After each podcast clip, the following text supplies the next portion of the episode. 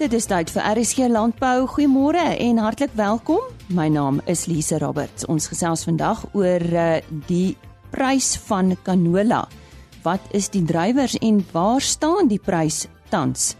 Ons praat met 'n boer van die Ottosdal omgewing oor bewaringsboerdery en hy's al 11 jaar betrokke by hierdie praktyk. En ons vra die vraag: wat is die lewensaar van veeboerdery? Bly ingeskakel Henny Maas het bietjie meer hieroor gaan uitvind. Voor ons afskop met ons uh, eerste onderhoud vir oggend, herinner ons u net weer daaraan indien u van ons onderhoude misgeloop het, is daar twee prosesse wat u kan volg om weer na die program of onderhoude te luister. Besoek www.rsg.co.za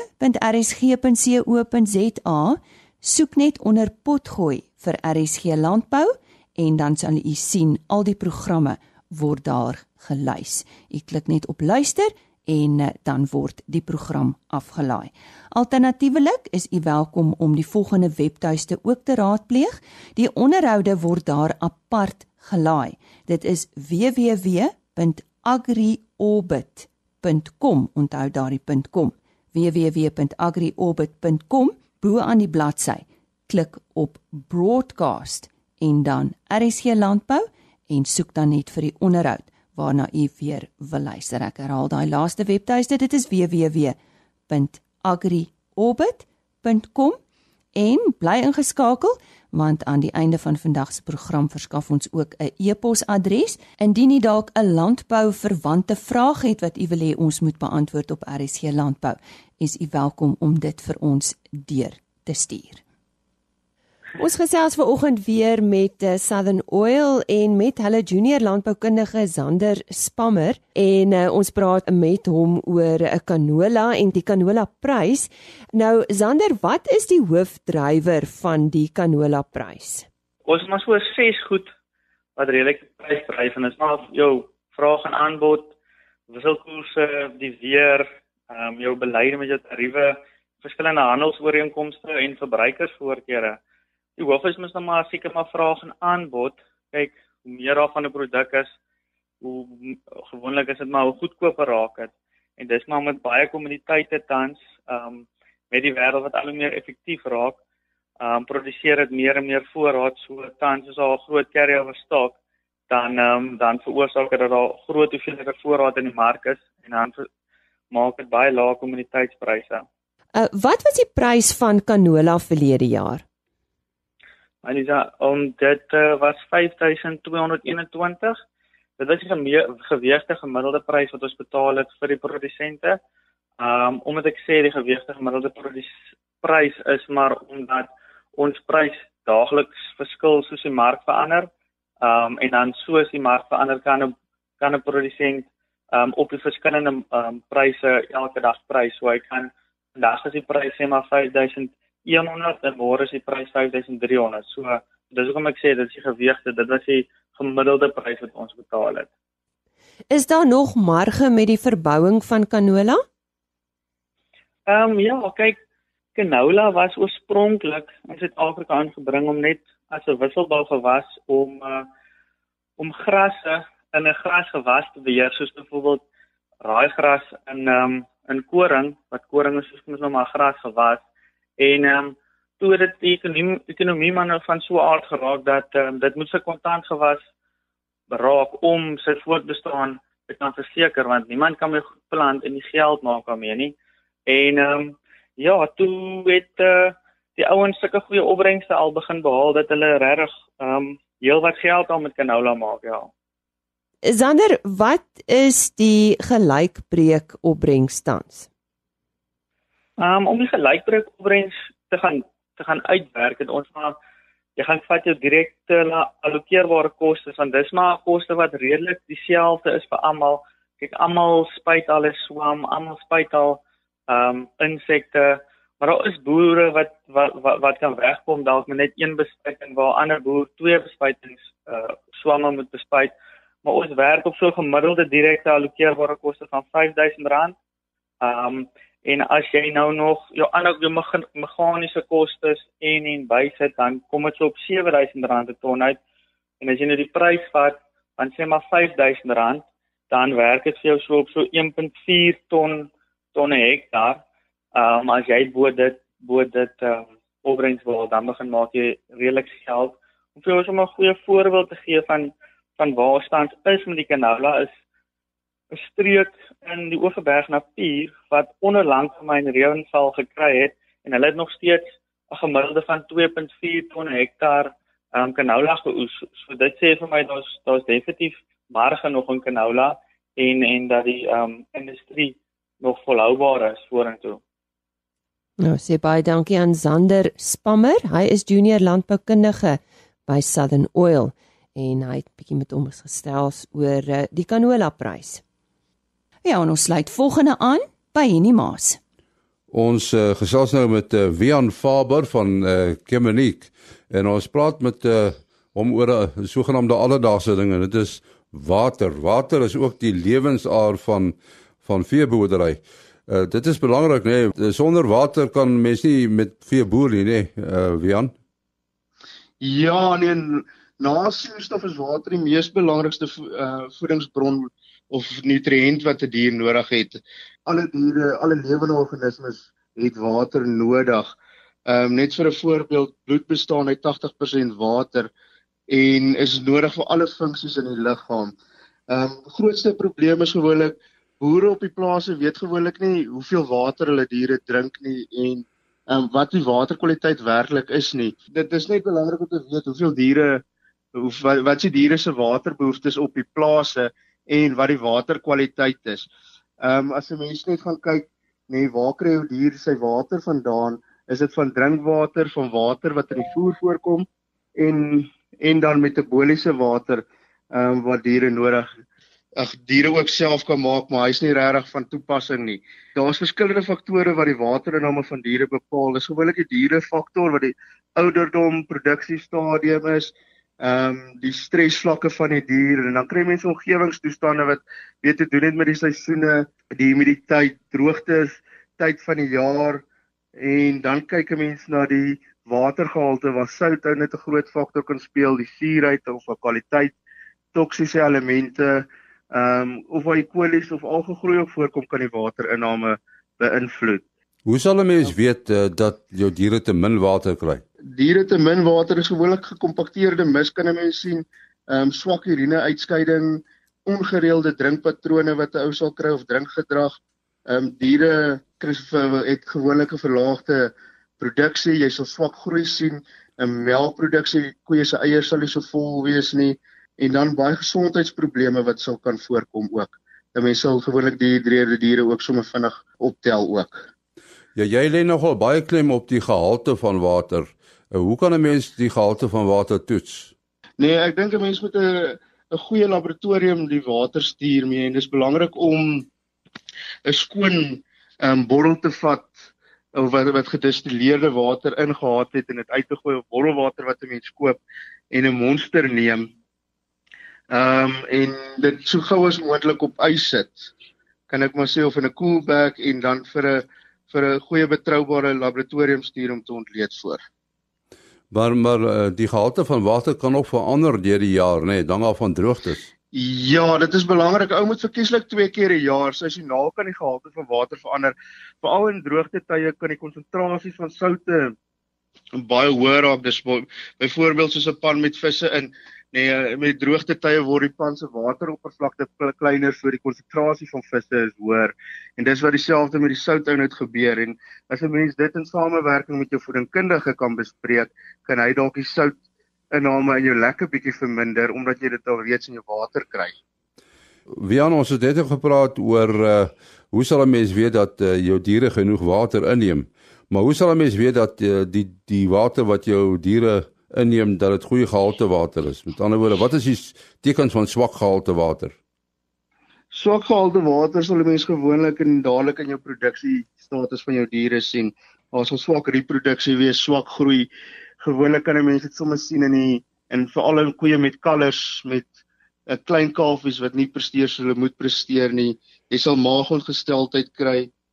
Ehm um, jou diere sal vreemde eetgewoontes toon. Jy sal sien hulle sal grond eet. Ehm um, selfs in klippe staan en lek. Ehm um, verswakking van diere se gesondheid ehm um, kom ook voor wat jy breek intedeel die immuunstelsel af met baie keer van die antagoniste wat kan voorkom in water. Daar's hulle vreemde reuk en smaak in die water wees en gewoonlik 'n baie goeie faktor is ehm um, wat se mense kan kyk, mense wat dieselfde water as die diere drink, sal ook maagprobleme en ongesteldheid ervaar. Goed, maar op die ouend lyk dit vir my dat uh, basiese bestuurspraktyke is die belangrike. Dit is een van die belangrikste faktore en dis waar jou jou waterkripspasie van belang is en die invloedtempo van jou water in jou krippe. Want gewoonlik is die vraag, is daar genoeg waterkrippe vir al jou diere? Onthou meeste van ons wesenskappe is tropdiere en gaan gewoonlik saam waterkrip toe nie individueel na waterkrippe toe nie. So daar moet genoeg ons waterkrippe vir hulle beskikbaar wees wat maklik toeganklik is. Diere moenie kan inval in die krippe nie. Ehm um, waterkrippe moet verkieslik ten minste eenmal 'n week skoon gemaak word. Ek weet dis moeilik in die droogte toestande. Ek dink dis nog 'n ding waaraan ons definitief sal moet werk om nog beter water of kripbestuur toe te pas in in droogte toestande en meer duidelike riglyne rondom dit te kry.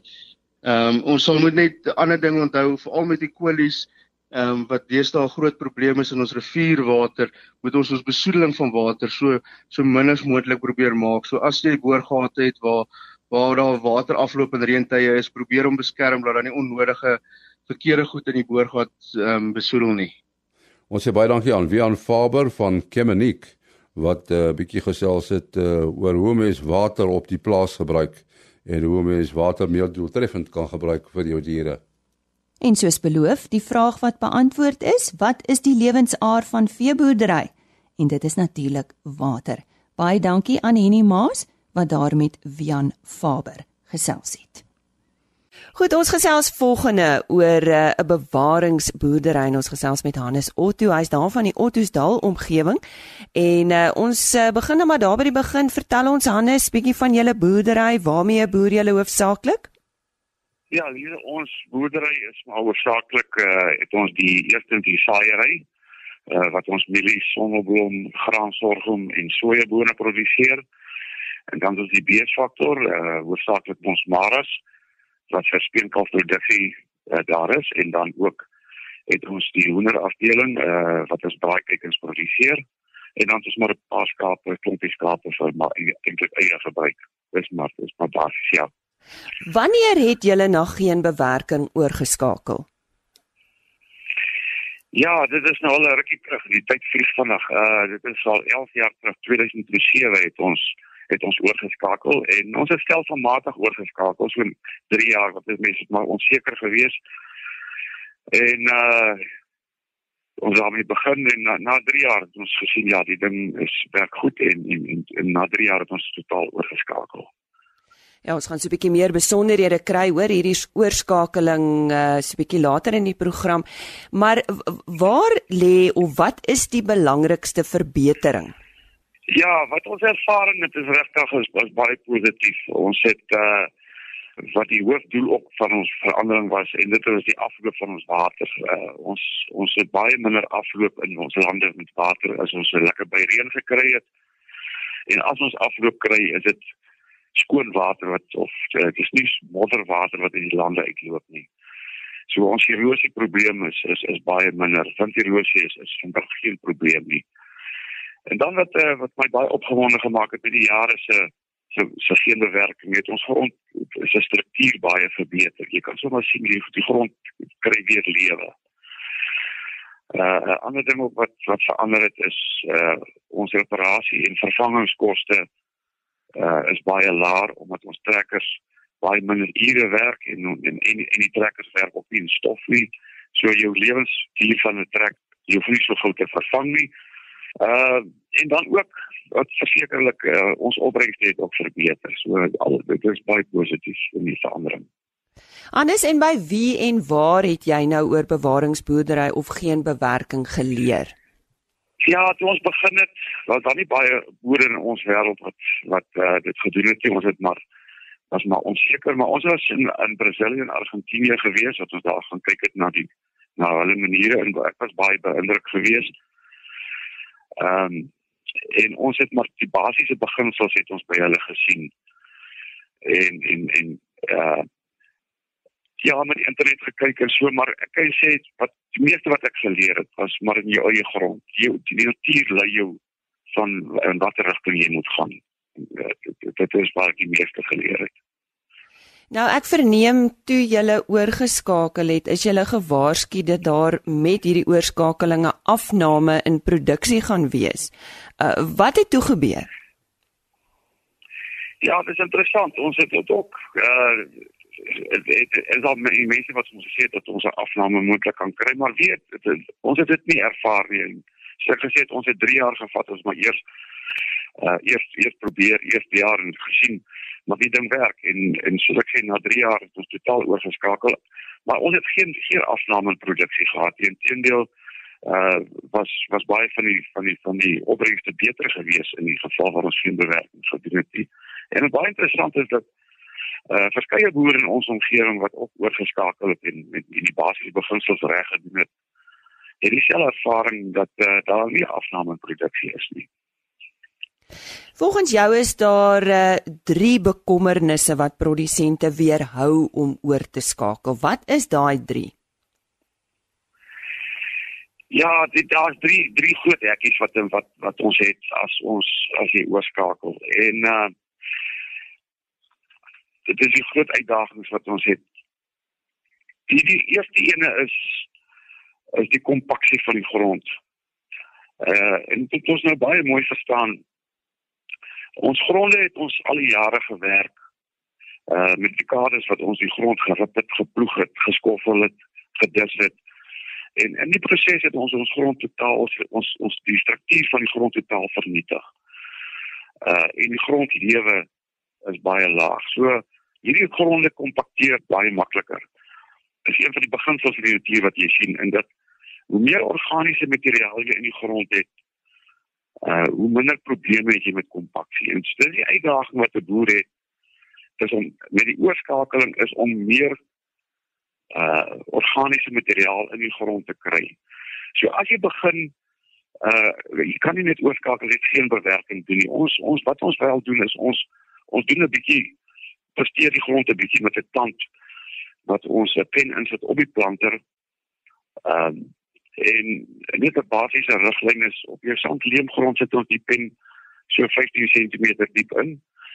Uh en op jou meer sandgrond wat pro meer probleme is met kompaksie uh werk ons so 24 cm diep. Wat ons ondervinding is dat met die jare soos die organiese materiaal opbou word uh, kompaksie 'n minder minder probleem. Maar dit is die uitdaging wat 'n boer het is is is soos ek sê, is ons gronde wat vernietig is om oor te gaan en ons gronde te verbeter en ons organiese materiaal te verhoog. So as jy dit reg gekry dan word uh, kompaksie en verligting eh, 'n uh, baie minder probleem. So dit is die eerste groot uitdaging. Die ander een wat ons het is is is wat baie belangrik is is dat jy moet 'n baie goeie bedekking op die grond hê en uh veral ons wêreld ons stand plante stand nie so hoog is nie. Uh, uh is dit 'n uitdaging om 'n goeie bedekking op die grond te kry? Ek ek, ek kan maar sê daar's 'n riglyn. As jy hoe meer bedekking jy op die grond het hoe beter gaan jou resultate wees met hierdie hele stelsel. Uh so jy kan nie jy kan nie jou uh want ons het 'n probleem in die winter dat ons ons beeste op die op die lande sit. So jy kan nie jou beeste te lank op die lande sit nie. Ja, want dan dan verwyder jy daai materiaal. En die, en die derde ene uitdaging wat ons het is is die is die onkruidbeheer. Die omdat ons alles chemies doen, uh ons werk glad nie meer meganies nie. Moet jy chemiese onkruidbeheer, jou bestuur uh is baie belangrik. Die tyd van die van toediening wanneer jy die onkruiddoders toedien uh want ons het baie keer baie uh, warm en winderige toestande. So jy moet maar die bestuur moet baie goed wees om jou onkruid reg te beheer. En dan wat ook belangrik is in ons wêreld hierso is dat jou winter onkruid is baie belangrik dat jou lande moet altyd skoon wees. Maar ons het 'n probleem met ons wintervuil goed. As jy dit nie vroegtydig uh, beheer nie, dan kry jy probleme veral met skraalhanse en en en hierdie hardnekkige vuil goed. So die chemiese beheer is, is baie belangrik. En dan is uh, die waarde van dekgewasse. Wat is dit? Ja, dit is vir ons uh een wat ons uh, baie opgewonde oor is is die, is 'n nuwe een wat ons nou begin het met die laaste paar jaar. Maar die waarde van dekgewasse is is regtig uh baie baie vir ons omgewing, ons is baie opgewonde. Want soos ek gesê het, ons wil ons organiese inhoud op die grond verbeter. En ons sien met die dekgewasse want ons dekgewasse is is is, 'n verskeidenheid van gewasse wat ons plant. Dit is uh jou somerdekgewasse is uh is op babare akkerbone dolikos wie kan van hier met praat jy jy kan 'n mengsel van hierdie dekgewasse wat ons plant uh en dat ons dat ons bewy uh deur die beeste skape wat jy wil enige vee wat jy wil opsit uh maar ons wil die helfte van die dekgewasse wil ons wil ons afwy en die ander helfte van die van die dekgewas los ons bo op die grond wat die beeste sal ons hier intrap. Uh en dit voed sal gee basies die grond. Dit is 'n uh, baie goeie met klomp materiaal wat in die grond ingaan. Uh en dit stimuleer jou grondlewe. So met ander woorde, eerstens is dit jy, jy kry 'n goeie bedekking eerstens. Uh en dan die tweede ene is dat uh jy baie meer kos vir jou beeste. So en veral in die wintermaande Ehm um, soos ek net nou gesê het is dat ons maar 'n probleem het met ons lande. Jy kan nie die beeste te lank op die lande laat loop nie. Maar hierdie is nou 'n baie goeie uh, uitkoms dat daar's baie meer kos in die winter vir die beeste. So ehm um, dit help ons baie in daai opsig. Maar wat my die meeste opgewonde maak is die die verbetering in die grondlewe. Suk net nou gesê het ons hele uitdaging is om ons lewe in die grond ons organiese inhoud die koolstof inhoud in ons grond te verhoog. En met die dekgewasse sien ons dit kan dit dit baie vinniger eh, op daai op, op daai vlak kom kom kom. Want dit vat maar 'n paar jaar om ons gronde weer weer lewendig te kry. Maar jy weet jy sit met jy sit met baie materiaal wat jy bo op die grond sit wat die beeste intrap met die mis en die urine van die beeste uh al daai goed maak 'n groot bydrae om die grondlewe te verhoog. Nou ek dink ons besef as boere besef nie regtig die waarde van die die die die die organismes die die die werking van die organismes in die grond nie. En hoe meer ons ons ons daai lewe kan verhoog die koolstofvlakke in ons gronde kan verhoog. Ek sê vir jou dan gaan ons baie meer en makliker volhoubaar produseer in die toekoms en en en makliker kan boer. Want jy spaar op insette jou die, die organismes ehm um, maak 'n groot bydrae tot die vrugbaarheid van jou grond. Anders net om jou af te sluit en dis dalk 'n vraag wat ek in die begin moes gevra het. Waarom het jy oorgeskakel na geen bewerking?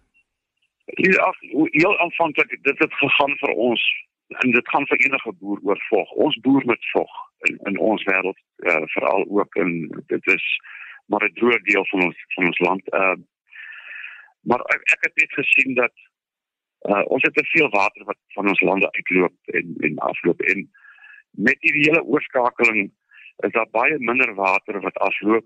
Jy baie meer water wat uh, beskikbaar is vir die plant. Jy het minder uh, verdamping en uh, verliese so jy wil graag soveel as moontlik water deur jou fabriek hê. Uh en dit was die hoofsaak geweest, maar soos ek gesê het wat wel wat ons gesien het bygekom het en dit is wat eintlik die meeste opgewonde maak is die verandering in die grond, die grondlewe wat verbeter het. Uh en ek dink ons is op die regte pad. Ek het daar gesels met Hannes Otto van uh, Ottosdal. Hy sê hulle is net so buite Ottosdal geleë en hy het met ons gesels oor bewaringsboerdery. Môreoggend op RSC Landbou sal Chris Derksen terug wees met uh, vleispryse, die eerste verslag vir 2019 en dis natuurlik uh, vleispryse wat behaal is by veilinge in die Noord-Vrystaat en dan praat Henny Maas en sy gas ook oor intensiewe skaap boerdery. Dit is van die nuusmôreoggend op RSG Landbou. Ons is dankbaar vir die reën waar dit wel gereën het en uh, ja, die skole begin vandag. Baie sterkte met die nuwe skooljaar en uh, mag dit met u goed gaan tot môreoggend. Skakel gerus môreoggend net so skuins na 05:30 weer u radio aan vir nog RC landbou nuus. Totsiens. RC landbou is 'n produksie van Plaas Media. Produksieregisseur Henny Maas. Aanbieding Lisa Roberts. En inhoudskoördineerder Jolandi Root.